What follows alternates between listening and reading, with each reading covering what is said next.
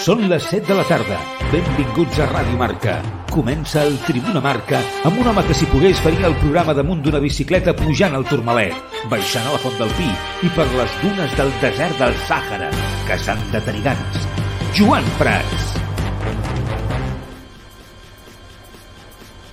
Què tal, com esteu? Molt bona tarda. Benvinguts un dia més al Tribuna Marca. En moments, el Barça a seguir amb la ratxa davant el Ceuta a la Copa del Rei. En menys d'una hora, el conjunt de Xavi s'enfronta al Ceuta als vuitens de final de la Copa del Rei.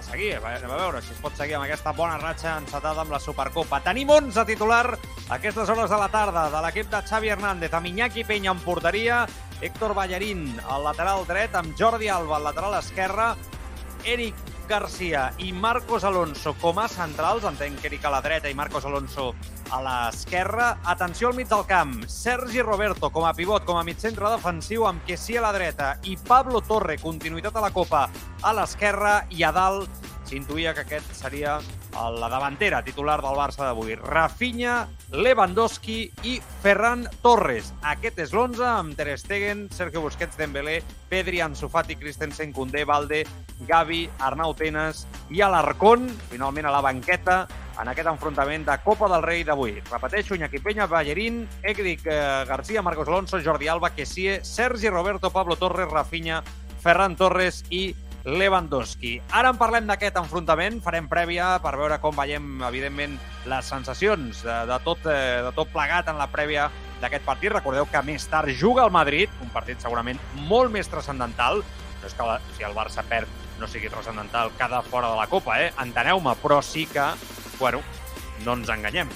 El Madrid juga davant d'un rival com és el Villarreal, que fa poc el va guanyar la Lliga, a les 9 de la nit, no ens enganyem bé d'on bé, una derrota obriria definitivament la capsa, de, la capsa dels trons, d'això no tinc cap mena de, de dubte, i després està un fet important, i és que és un rival d'entitat que li pot complicar molt més que el, Zeu, que el Ceuta, en aquest cas el Barça, la vida al Real Madrid. Ara en parlarem, en un dia on s'ha parlat molt de noms. Segueixen sortint molts noms després de la sortida, com dic, de Memphis Depay, en aquest sentit a l'Atlético de Madrid. El principal nom del dia té a veure amb Gonzalo Guedes, extrem del Wolverhampton, ex del València, que seria el nom que hauria proposat Xavi Hernández, un cop amb el beneplàcit també de Jorge Méndez, el representant portuguès que també es porta amb Joan Laporta, perquè arribi al Barça per omplir aquesta plaça si finalment, com sembla que serà el tema Aubameyang, no millora. Però pel camí ha sorgit un altre nom,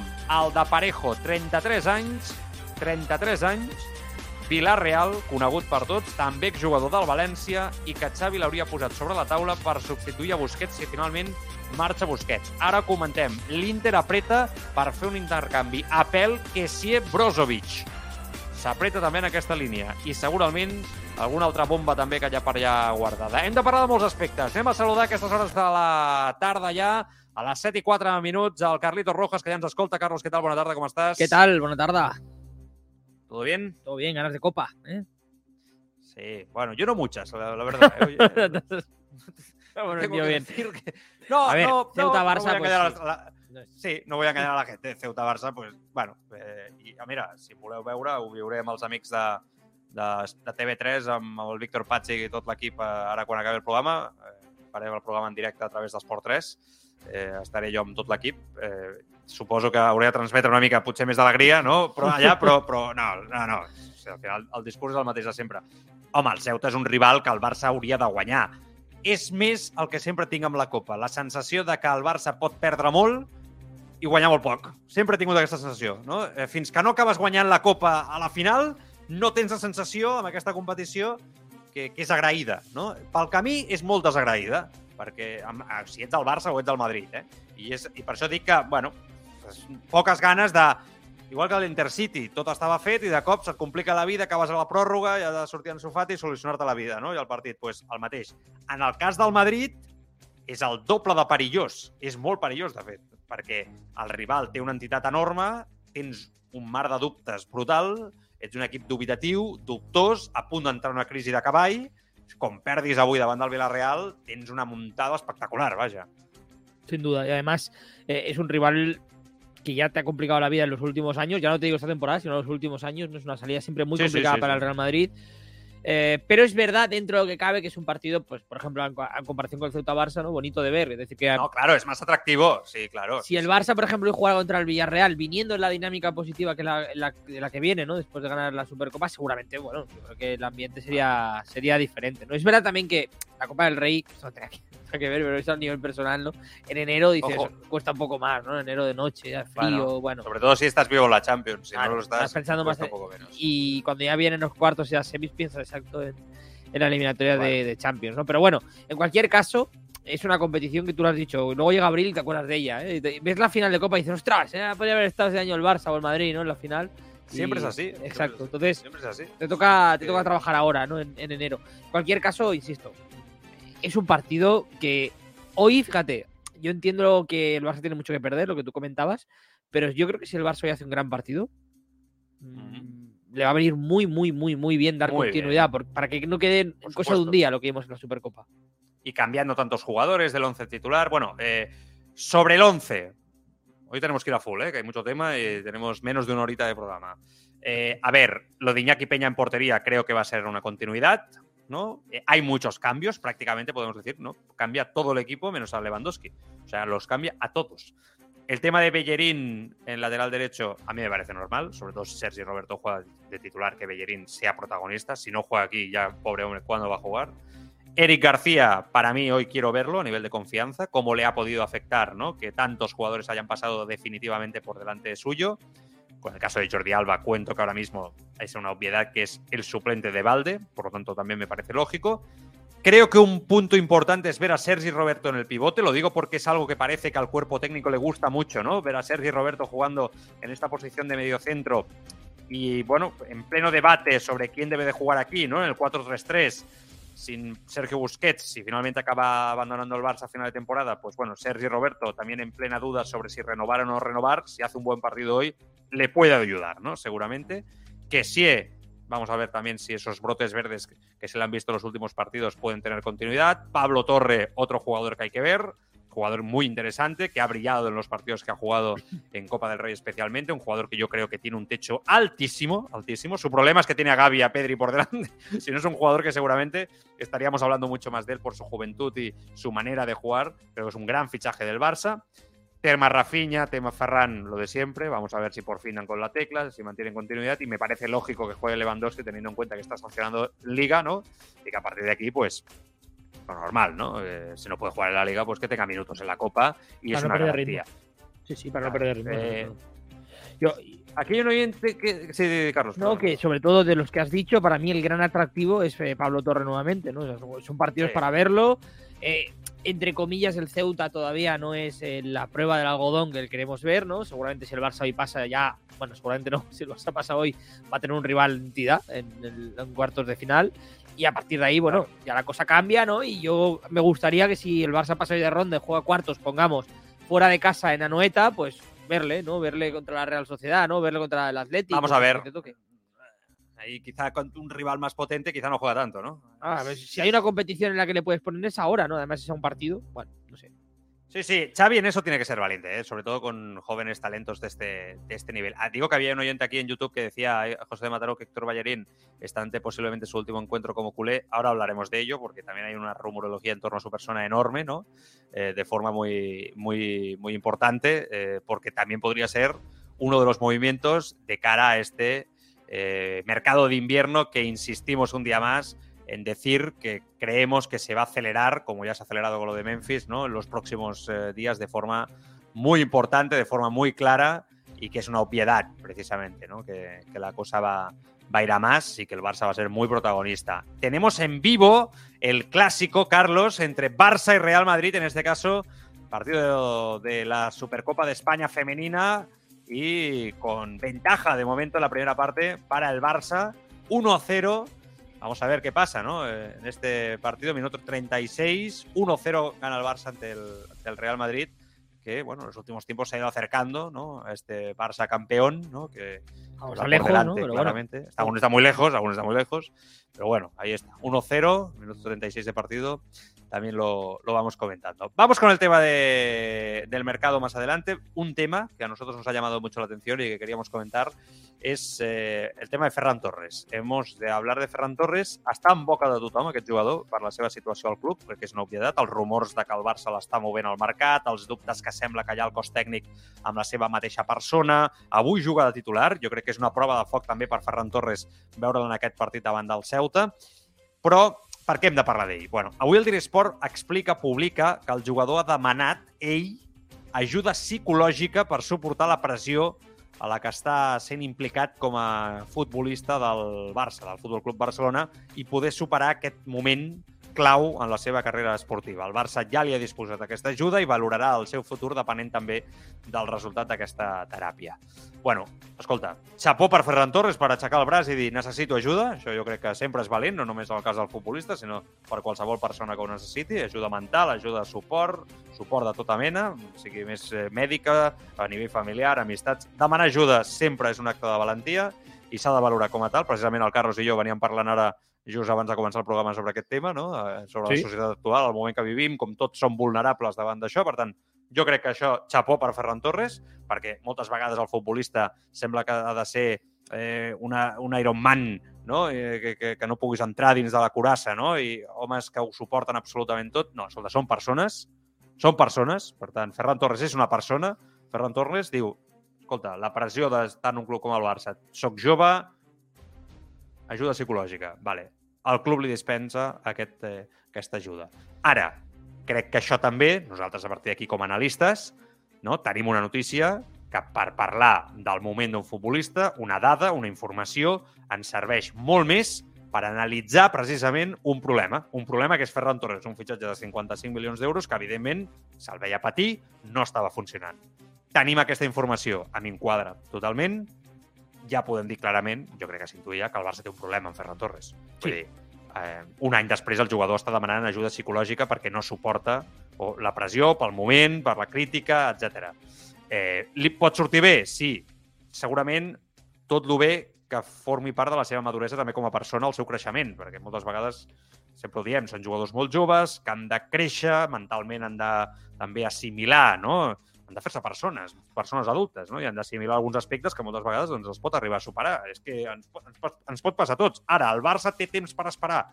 Això és un altre tema. I aquí, aquí, aquí és el que anem a, a analitzar. No? El Barça no té temps per anar esperant a jugadors que potser no estan capacitats per les seves característiques com a persona per superar una situació com aquesta o suportar, sobretot, segurament la paraula més adequada, el que significa jugar al Barça amb una crítica molt continuada, amb un entorn ferotge... No és fàcil. Estem d'acord? No és fàcil. Coutinho era un jugador de molt talent i que després de passar pel Barça mai ha estat el, el mateix. I al Liverpool se sortia.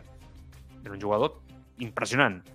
I és un jugador que psicològicament va estar superat als dos mesos d'arribar a Barcelona pel que significava jugar a un club com el Barça. I era més adult, més gran que Ferran Torres. Ferran Torres és més jove i ja està aixecant el braç. bueno, doncs segurament tenim un problema important, no? i el Barça jo crec que és conscient d'aquest problema. Anem a veure si millora amb aquesta ajuda psicològica, amb aquesta informació d'avui al Diari Sport, però és evident, Carlos, que lo de Ferran Torres tiene muy mala pinta. Sí. Y que, ostras, va a costar recuperar inversión, situación, eh, al propio jugador ya no hace falta decirlo, es un marrón, la verdad, es un problema, pero yo creo que incluso ya había síntomas cuando se le veía llorar, ¿no? En los partidos, ¿no? No, no, no, está claro. Eso, que, que, no lo estaba pasando bien, que es un jugador con, que, que ha tenido, seguramente se ha encontrado con una presión totalmente salvaje y con unas... Eh, bueno, exigencia brutal porque es un futbolista que todavía no había acabado de explotar. Yo creo que no tenía el cartel de, de, estrella. Estaba en el City, eso es sin duda, ¿no? Pero, Se le trató como una estrella, ¿no? Sí, es verdad que en el City era un jugador importante, pero no todo el mundo le miraba a él, ¿no? Cuando tocaba digo aquí, cuando no, valor. no. Exacto. Digo que el momento que lo fichas por 55 millones Exacto. en un Barça que parece que está buscando su nueva estrella, llega él, esto lo, lo ha destrozado. A ver, un Barça que, que hace un año, 19 de enero, estamos hablando que no sabíamos si podría, ¿no? Si podría pagar la ficha de muchos futbolistas, sí, sí. ¿no? Y se hizo un súper esfuerzo por traer a Ferran Torres. Era una cara conocida en España por el pasado, la pasada Eurocopa, que había jugado muy bien, se tenía muy buenas referencias en el City y se creía que efectivamente era un futbolista que podía llevar al Barça a otro nivel. Desde el principio se vio lo que era Ferran Torres, que era un jugador yo creo que habilidoso, pero con problemas de gol. Y aquí en el, en el Barça, en todos lados, pasa, pero el Barça de Madrid, si no tienes gol y eres delantero, pues, y si encima has costado 55 millones y el club está como está, deportiva eh, y financieramente, pues te van a, mirar el doble, a señalar el doble. Y yo creo que Ferran eso no lo tenía pensado, o sea, no, no estaba preparado y, se ha encontrado con esta situación. Una situación que le ha generado desconfianza, por otra parte. Él mismo seguramente no se ha visto al nivel, ha perdido confianza en su propio juego y ahora este año encima han llegado otros jugadores que le han pasado por delante y yo creo que lo ha acabado de hundir. Aún así, bueno, está bien que pida ayuda, no sé si va a dar tiempo, va, a llegar a tiempo, ¿no? Para poder salvar su carrera en el Barça, su carrera deportiva desde luego que tiene tiempo, pero en el Barça seguramente por la situación en la que está el club, ahora mismo no tiene ese, ese tiempo, tú lo has comentado. No tiene pinta, ¿no? Yo sé que no suena bien decir que el Barça debe vender a un jugador que no esté psicológicamente al, al 100%, porque evidentemente no suena bien, pero el Barça no lo mide por eso, lo mide por el rendimiento futbolístico. Te voy a decir una cosa, de hecho es lo, lo justo has tocado la tecla que, ahora yo iba a tocar este tema. El Barça sabemos que ha movido a Ferran Torres en este mercado de invierno, de alguna manera, ¿no? Ha hecho llamaditas para tantear a algunos equipos, ¿no? A ver si había opciones, ¿no? De, de situar a Ferran Torres en algún equipo, se ha cedido, sea con una venta recuperando lo invertido, que parece que eso es imposible. Yo creo que a día de hoy que alguien pague 55 millones por un jugador como Ferran Torres y más con estas noticias, como la de hoy, ¿no? Con el tema psicológico, etcétera, parece que es aún más complicado, pero es una evidencia clara que el Barça se ha movido, sabiendo y conociendo que el chaval estaba pidiendo ayuda psicológica y que estaba en una situación complicada. Quiero decir que es un marrón al final, como dirigente, decir, hostia, sabes perfectamente que por encima somos personas, ¿no? Por encima del negocio somos personas, ¿no? Entonces, en el momento que tú estás poniendo a Ferran Torres en el mercado y el chaval te está pidiendo una ayuda psicológica, tú sabes que le vas a perjudicar. O sea, que el chaval esté saliendo por este bache y encima se vea que el propio club filtra, ¿no? Que si hay un equipo que lo quiere, que lo pone y la presión para el chaval es altísima. No ayuda en nada. Pero claro, al final como dirigente, o como ya no dirigente directivo, sino como los empleados, Mateo Alamán y compañía, tienen que tomar decisiones pensando en el bien colectivo, en este caso en el Barça.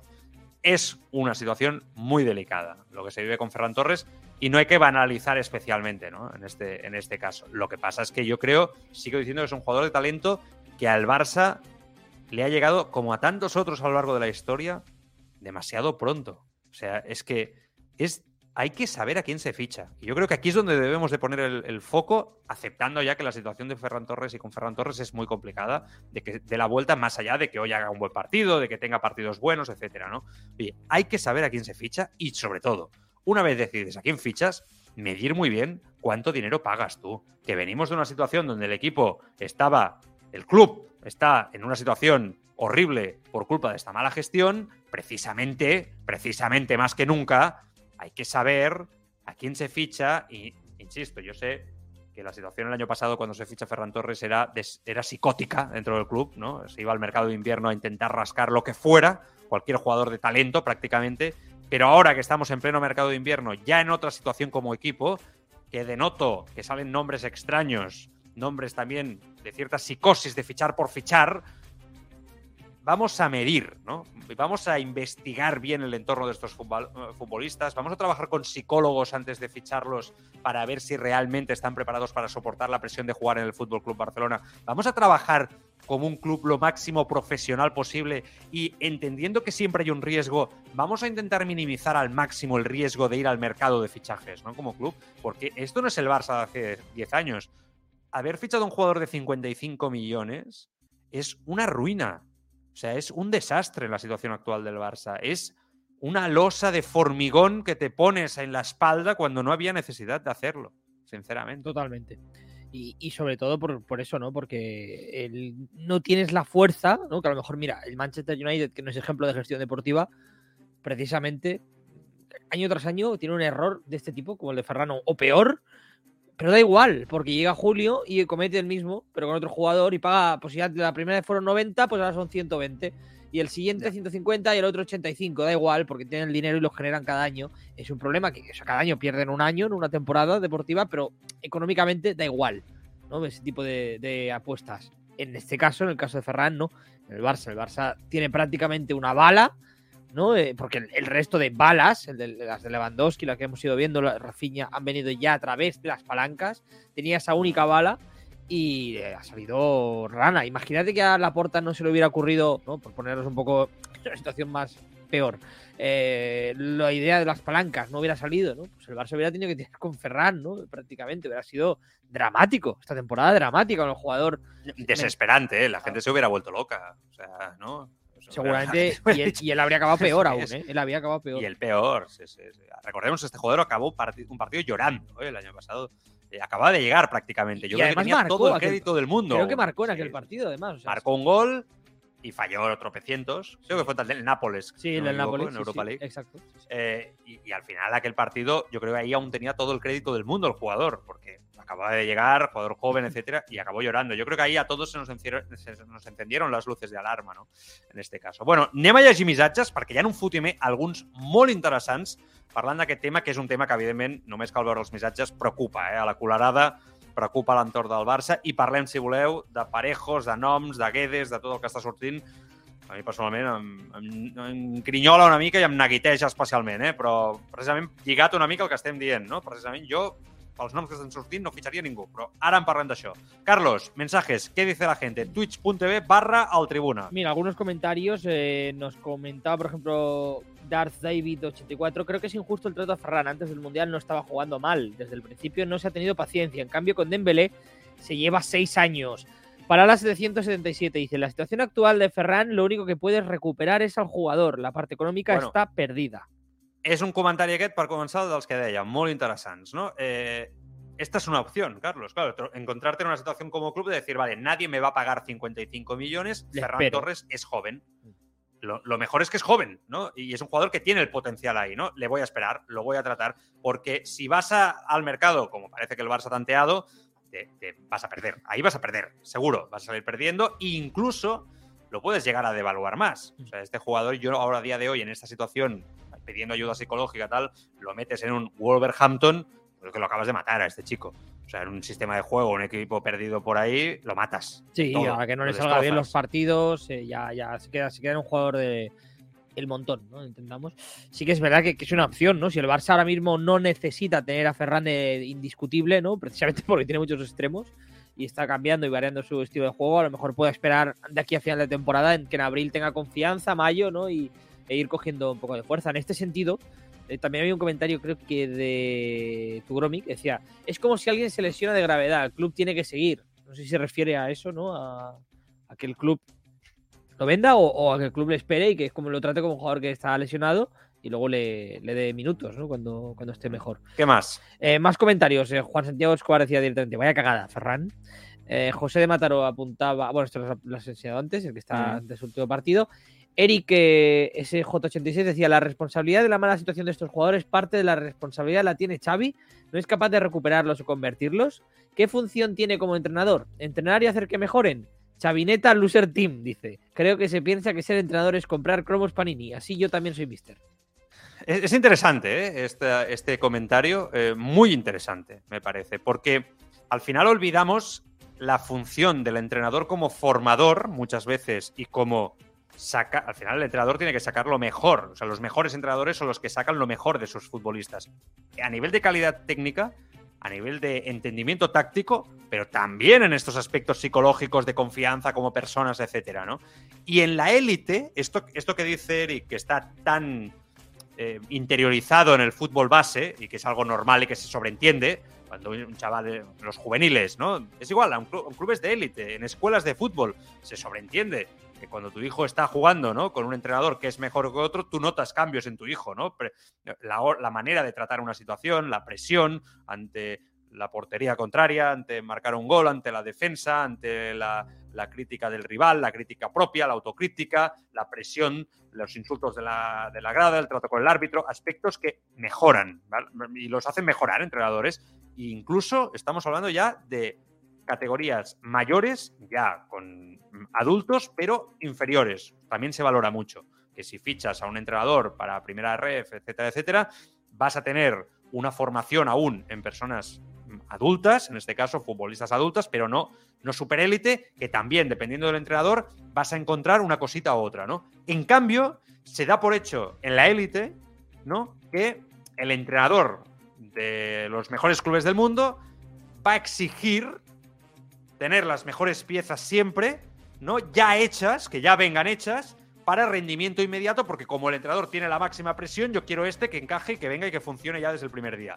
Oiga, pues no, ¿no? Por eso me parece muy interesante este mensaje. Yo valoro mucho ese entrenador que está en la élite absoluta y que coge un futbolista X de una manera, con un déficit, pero con un potencial enorme, y que después de pasar por las manos de ese entrenador, como buen formador que es, como buen líder que es, para eso son entrenadores, coño, es que si no la figura de entrenador no, no existiría prácticamente, ¿no? Oye, supera una situación y empieza a tener una continuidad y sale adelante, ¿no?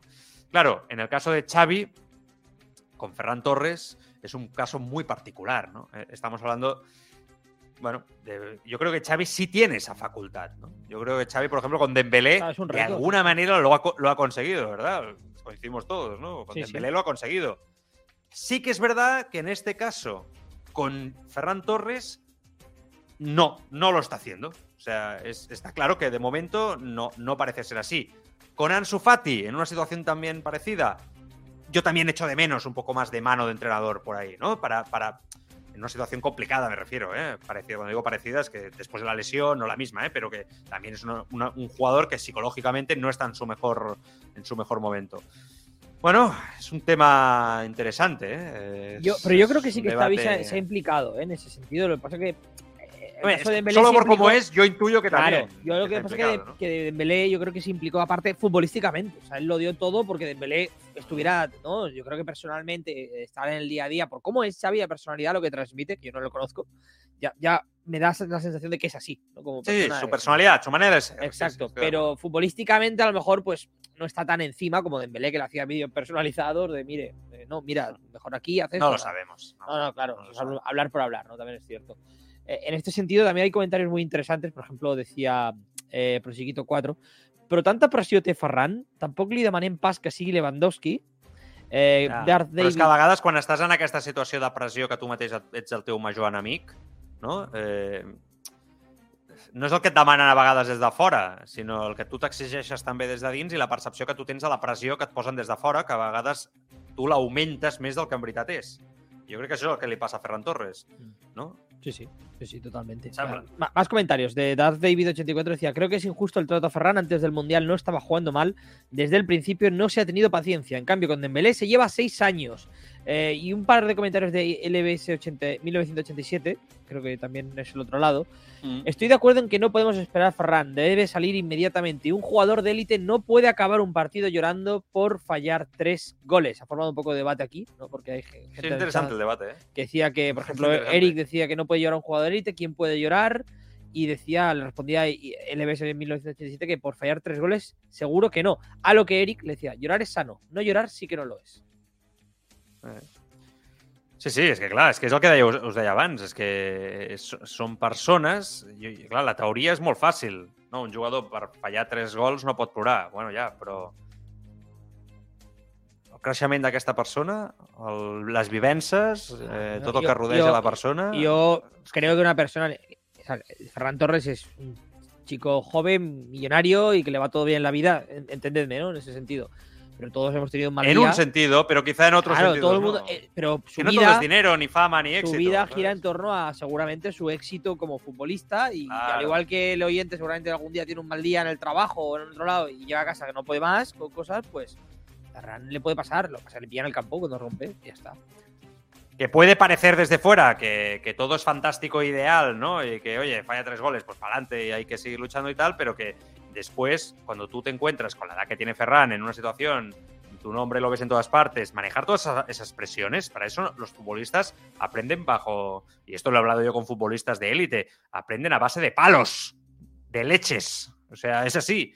Es así, porque no, no hay manera de aprender de otra manera, por mucho que se pueda formar un poquito más. Ahora las escuelas de fútbol sí que intentan formar a los jugadores mediáticamente para que soporten más esa presión, pero no hay mucha solución al respecto. O sea, es, hay algunos que lo soportan, hay algunos que no. Hay algunos que crecen mejor, ¿no? Y crecen más rápido, y otros que crecen más lento, pero llegan, y otros que pues, se quedan por el camino porque no soportan esa, esa estar ahí, expuestos mediáticamente. Entonces, eso es lo que hace que un jugador, cuando falla esos tres goles ese día ante el Nápoles, esté en un momento que él lo magnifique internamente, por mucho que nos, desde fuera algunos podamos pensar, joder, se lo tiene todo en la vida, ha fichado por el Barça, tiene todo el tiempo del mundo, es un jugador joven, talentoso, paciencia, tranquilo. Pues, ¿no? Eh, para él, porque es una persona que no está formada, se, todo se le magnifica. Por eso os digo la responsabilidad del club a la hora de fichar, de conocer todos los entresijos de que rodean al futbolista, no solamente la calidad, ¿no? Como, como jugador en este, en este caso. Bueno,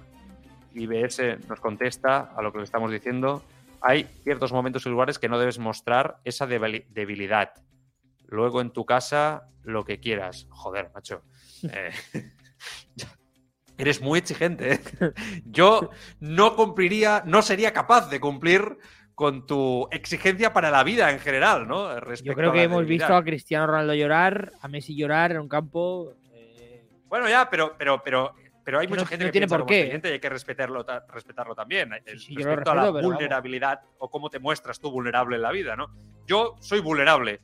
Y a mí, si me vienen ganas de llorar, pues me voy a poner a llorar, porque la vida es así y hay momentos porque me han venido ganas de ponerme a llorar y, bueno, porque no me, no me creo que sea nada yo creo que soy muy vulnerable. De hecho, como yo persona hablo de mí, ¿eh? Entonces, claro, hay momentos que es.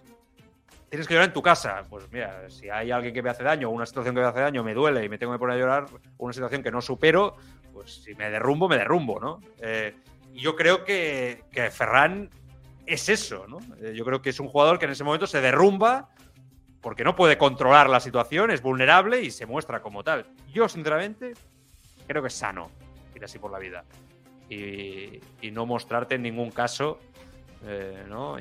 nunca, nunca vulnerable ante las cosas, porque yo creo que todos lo somos, ¿no? Eh, y eso es ser fuerte. Eso ya es otro tema. a veces, no, no, si lloras, si te no eres fuerte. No, no, yo creo que eres fuerte. O sea, yo creo que mostrarte vulnerable en algunos casos, precisamente, es ser fuerte y, y, demuestra mucho. Pero bueno, este es otro tema. Es un tema interesante este hacia dónde ha ido el programa de hoy, porque yo creo que se toca poco, también porque es un tema de, delicado, ¿no? Y se tiende a pensar que los futbolistas son de hierro y que no se pueden quejar y, todo lo tienen que aceptar porque cobran mucho dinero y están en la élite. Y muchas veces no, no es así. Qué nivel de audiencia que tenemos, ¿eh? Tanto me gusta que... Hostia, me encanta, ¿no? Esto, me encanta el nivel de, estos debates. Va, anem amb Bueno, un último mensaje del canal de YouTube que me parece interesante también, que dice, pero a ver, ¿qué somos? ¿Robots o que en cualquier lugar se vale llorar y punto? Y bien por sí él si pide ayuda. Estamos locos que no son robots. Bueno, estoy muy, de acuerdo con Carlos lo que, lo que dice. Y, para que no se diga con este debate interesante, DBS 1987 dice, entiendo lo que decís, yo soy el primero que llora y es vulnerable. Fantástico, pues. Fantástico, pues. Lo decíamos más que nada por lo que comentabas. Eric también ha estado contestando por ahí. Bueno, apartem aquest, eh, aquest tema eh, perquè jo crec que és és important, és un tema interessant i que m'agrada que hi hagin diferents punts de vista al respecte. Anem amb el tema del mercat, si voleu, ja per, per tancar, ja sabeu que avui tenim menys, menys estona pel partit del Barça.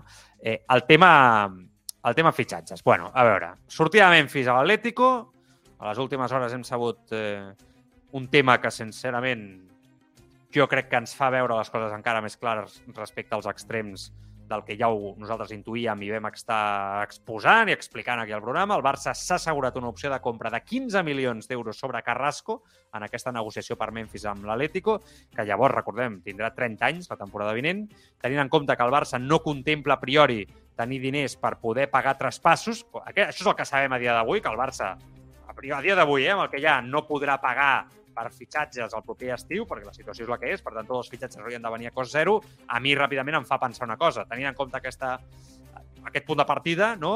Eh, l'operació a mi, sincerament, que el Barça s'asseguri 15 milions d'euros per Carrasco em fa pensar que el club està valorant seriosament algo que ja sabem, però bueno, ho reiterem, vendre aquest estiu a Rafinha o Ferran Torres per cash en un futur proper. Jo crec que és una pista més de que, evidentment, Xavi és conscient de que el tema dels extrems no li agrada com està i que busca una altra cosa i que l'únic extrem que li agrada és Dembélé.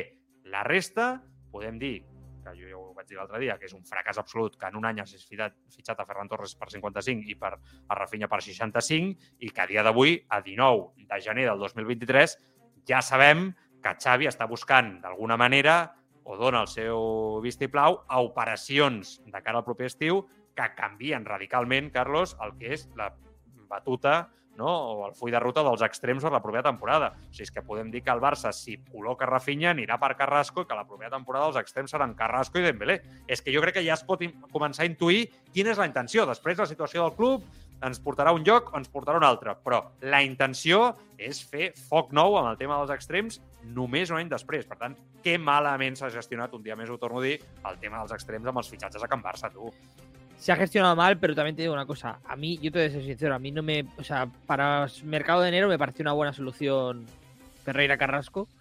Para el año que viene, no. O sea, yo creo que es un extremo que está lejos ahora mismo de, ser un extremo top en Europa. Sé que no, no, lo ha hecho mal ¿eh? cuando ha jugado en el Atleti, pero creo que el Barça tiene que moverse seguramente fichando un jugador más joven, ¿no? Que, que, no cueste tampoco 70 millones, evidentemente, porque ese gasto ya lo has hecho en Rafinha. Aunque si lo recuperas, pues tienes ahí una opción pero que Carrasco sea el fuck no, como decías.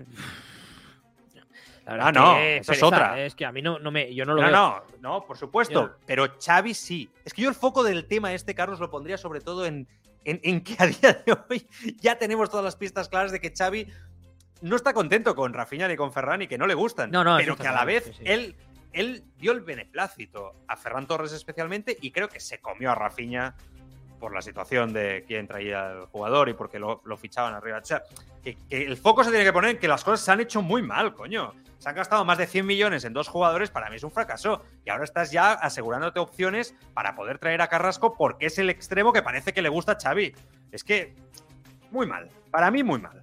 Muy mal y, y en la situación actual del club no puedes gestionar así este tipo de situaciones con tantos millones por el medio. Tienes que ser mucho más cuidadoso. Mucho más. O sea, un problema, un problema grave este. Que sí, no, no, está claro. Y, sobre todo es un poco radica en, lo mismo que estamos señalando con Ferran Torres antes, el Barça. Está, y yo creo que lo dijimos bastante el pasado verano, está en una situación deportiva y financiera sobre todo muy delicada.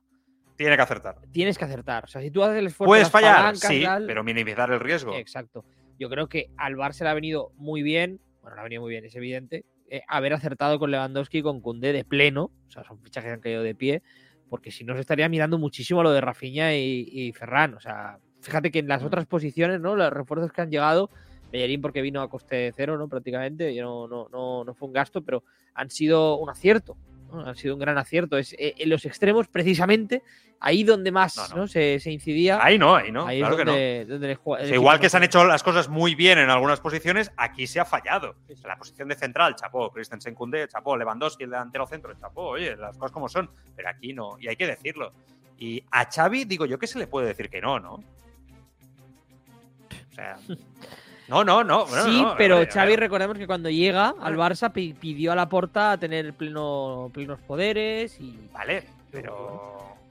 Però és que lo digo perquè, ho dic perquè ara la notícia del dia d'avui és, bueno, Carrasco, aquesta opció de compra per l'estiu, per tant ja podem intuir que Rafinha o Ferran a l'estiu seran venuts i que part d'aquests diners seran utilitzats per aquest fitxatge, i sembla que Xavi ha demanat ara el tema de Gonzalo Guedes.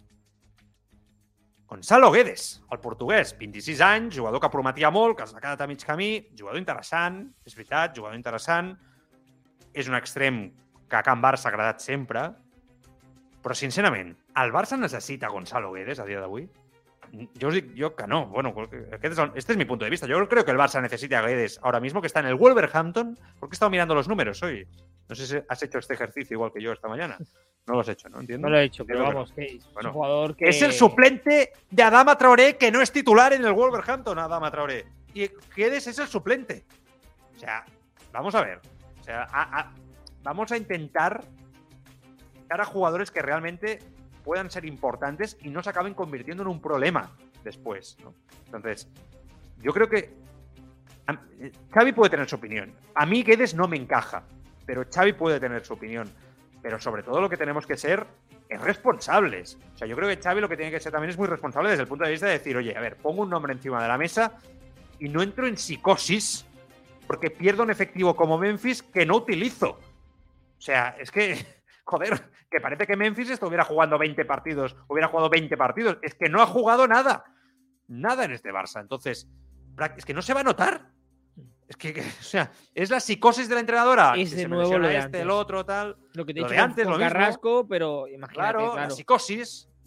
Psicosis. Y es un poco, fíjate, No esa misma psicosis es la que lleva a que el Barça acabe pagando lo que pagó por Rafinha el pasado verano. ¿no? Porque Rafinha era un jugador que a lo mejor ahora se nos ha olvidado, ¿no? Pero en junio, mayo lo quería el Chelsea, el Arsenal, ¿no? Era un jugador que había hecho una gran temporada en la, en la Premier, ¿no? Mm. Estaba cotizado.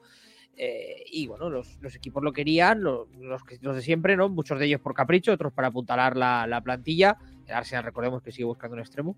Y el Barça se metió ahí porque, bueno, vio un extremo, ¿no? Y, y apareció la opción. El nombre de moda un poco de Rafinha, pero es decir, no había habido rumores de Rafinha durante marzo, abril, mayo, que el Barça lo estuviera siguiendo, No, ¿no? Fue un poco. que sale en base a las dudas del tema de Embelé también, ¿no? Y en base a, a Deco. Por Deco. A Deco, sí, sí, claro, claro. Pero en este caso es por Méndez. Méndez pone encima de la mesa. poco lo mismo, dice, sí, sí, sí, sí. Guedes, Guedes, Guedes, Guedes, este me gusta, este me gusta. Venga, a por Guedes, este sí me gusta. Que así, que venga cedido con opción de compra y Pero ¿crees que o lo compramos ahora baratito. ¿Crees que Xavi dice sí, sí, sí, sí, sí? ¿O, o que le han dicho Sí. al Barça? El, el Barça le dice a, a Xavi, "No, nos han ofrecido a Guedes, ¿te cuadra Guedes? Claro. Y, y- y Y Xavi, diga, dice, sí, sí, sí, sí. sí. Sí, pero, pero si Xavi no. Ya, pero el problema es que Xavi, lo dejó claro el otro día en rueda de prensa. Xavi les está diciendo, oye, se ha ido Memphis, sí o sí, quiero sustituto. O si se va Memphis, quiero sustituto. O sea, son condiciones sine qua non.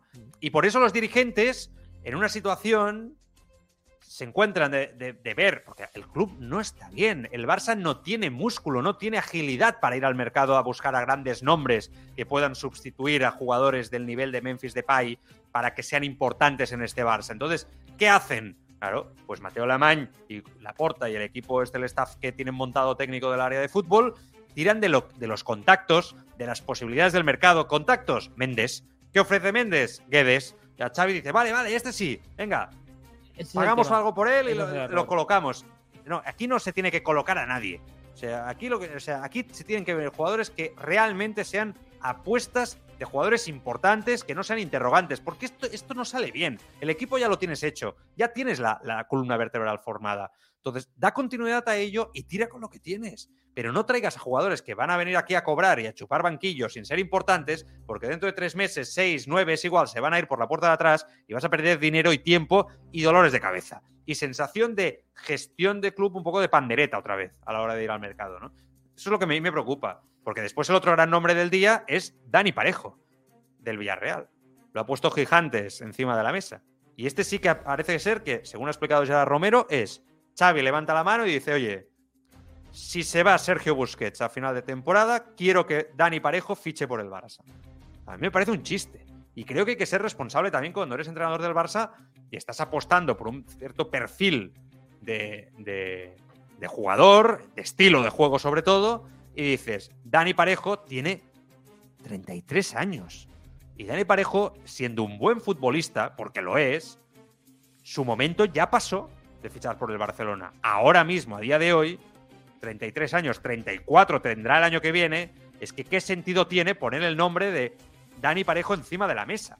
Es que estás con Sergio Busquets, que tiene 35, y el sustituto va a tener 34. De verdad, o sea, pensemos un poco con la cabeza antes de decir según qué cosas. No nos dejemos guiar simplemente, no, encaja el estilo, me gusta mucho Dani Parejo. No, hostia, no, ya, pero aparte de que te guste como entrenador Dani Parejo, pensemos como club antes de poner un nombre encima de la mesa, porque cuando eres Xavi Hernández, tu discurso, el nombre que tú pones, tiene una trascendencia muy, muy importante para el pobre hombre que está en los despachos volviéndose loco para intentar traerte los jugadores que tú le pides. Porque eres Xavi. Si te llamas Quique Setién, no te van a hacer ni puñetero caso. Pero si eres Xavi, te van a hacer mucho caso. Entonces, yo creo que hay que ser un poco más responsable. Y creo que como club hay que también saber decir, Dani Parejo no encaja en la filosofía, Xavi. Otro, dime otro. Es que veo aquí un poco de irresponsabilidad. No, pero yo entiendo, este- yo entiendo que ha habido ahí pulsos con lo de Zubimendi. Recordemos que el Barça no quería, ¿no? Eh, eh, la junta directiva. A lo mejor ha sido un poco el punto, la entente, ¿no? El punto intermedio. de Decir, mira, ni Zubimendi, ni para ti ni para mí, ni Neves, ni, ni Zubimendi, va a ser parejo. Que, que para mí, insisto, el criterio sigue siendo erróneo, pero a lo mejor han llegado hasta ese punto, ¿no? Porque también la situación en la que es. A lo mejor a Xavi le han puesto Ah, unas es características. mala. No puede venir por un jugador de más de 15 millones, no puede cobrar más de 3 millones al año. De, de todo Oye. eso. Ahora, es que Parejo no juega en esa posición como tal del No, esa es otra. Es que, esa es otra. esa es o sea, otra. Parejo nunca ha sido Busquets. También te digo una cosa, la única sensación de hoy en día que tiene en general, la única persona de este planeta que tiene esa sensación de psicosis al día después sin Busquets a ese nivel es Xavi. Sí. Es Xavi.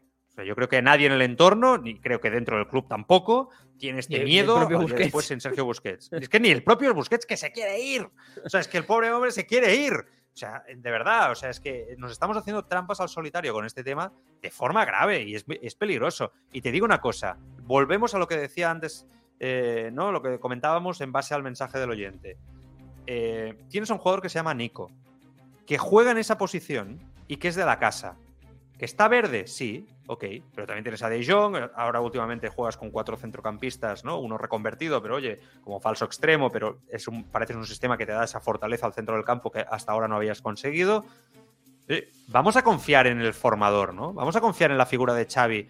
Recupera a Nico, juégatela a Nico, a la carta, a ese jugador que vimos en ese momento que tenía un potencial enorme, que despuntó junto con Gaby para quedarse en el primer equipo del Barcelona, que sea la apuesta y tú como formador, hazlo mejor jugador. Y déjate de parejos y de, gilip... bueno, es que de gilipolleces, iba a decir. Es que Ya has me pongo dicho, negro. porque-. No, claro, es que, es que son jugadores que, que de verdad. Y, y, oye, el Barça está como está. Mm, Está mal como club. Pero os digo una cosa, la situación podría ser peor. ¿Sabéis cómo? Si, si no tienes futuro. Imaginaos que el Barça tiene jugadores veteranos y, y- y no, hay, no hay futuro. ¿Qué es lo bueno del Barça? Que tiene media plantilla joven hecha ya y, el- y- y va. O sea, insisto, creo que la situación no es tan grave. No es tan grave. Creo que la plantilla está hecha. Podemos tirar, podemos tirar. Se puede luchar por todo si seguimos en esta línea y se sigue construyendo. Hostia, es que no sé. Bueno, ¿Quieres que lea comentarios? Está me leyendo río de los comentarios. mensajes Ah, sí, sí, gente, está que leyendo es- los es- comentarios. sí, bueno, eh, que me pongo a llorar, ¿eh? Que soy muy sensible. te decía Eric, Un hombre no, no te pongas nervioso, que como lloras no te vuelvo a escuchar. eh.